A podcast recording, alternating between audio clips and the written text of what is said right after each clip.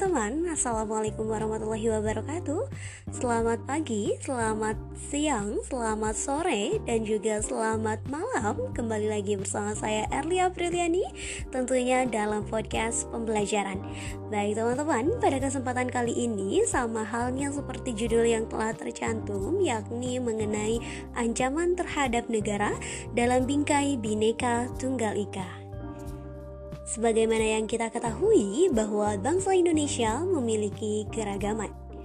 Keragaman bangsa Indonesia merupakan sebuah potensi dan juga tantangan tersendiri.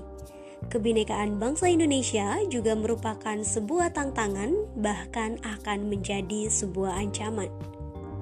Adanya kebinekaan membuat penduduk Indonesia mudah berbeda pendapat dan mudah tumbuhnya rasa kedaerahan sehingga sewaktu-waktu bisa menjadi ledakan yang bisa mengancam integrasi nasional ataupun persatuan juga kesatuan bangsa Indonesia itu sendiri.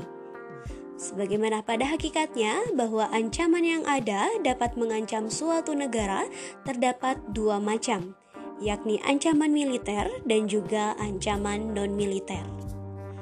Ancaman militer merupakan kekuatan senjata yang dapat digunakan untuk melakukan agresi atau inflasi, pelanggaran wilayah, pemberontakan bersenjata, sabotase, spionase, aksi teror bersenjata, dan juga ancaman keamanan laut dan udara.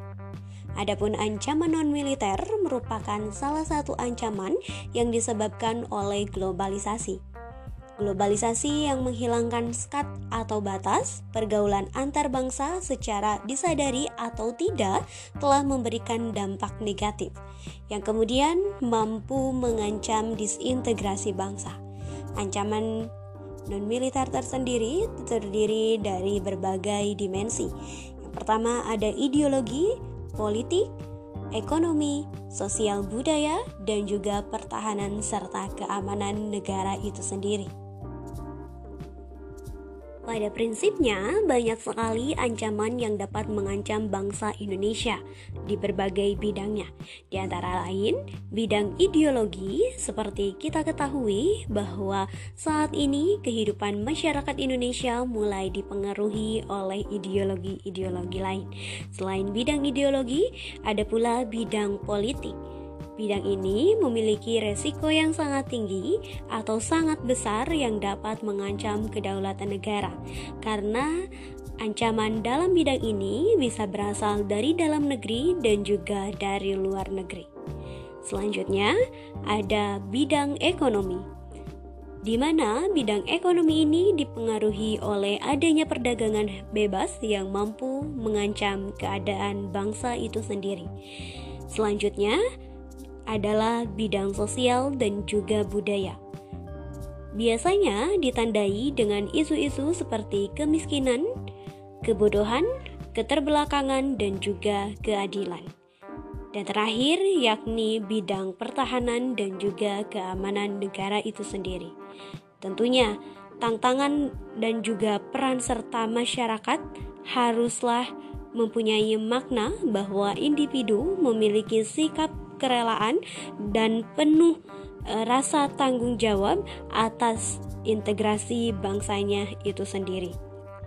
Maka, kita sebagai warga negara Indonesia diharapkan untuk senantiasa ikut serta dalam mempertahankan integrasi bangsa dengan cara tidak membeda-bedakan keragaman, menjalankan ibadah sesuai dengan agama yang dianutnya, serta membangun kesadaran akan integrasi nasional itu sendiri.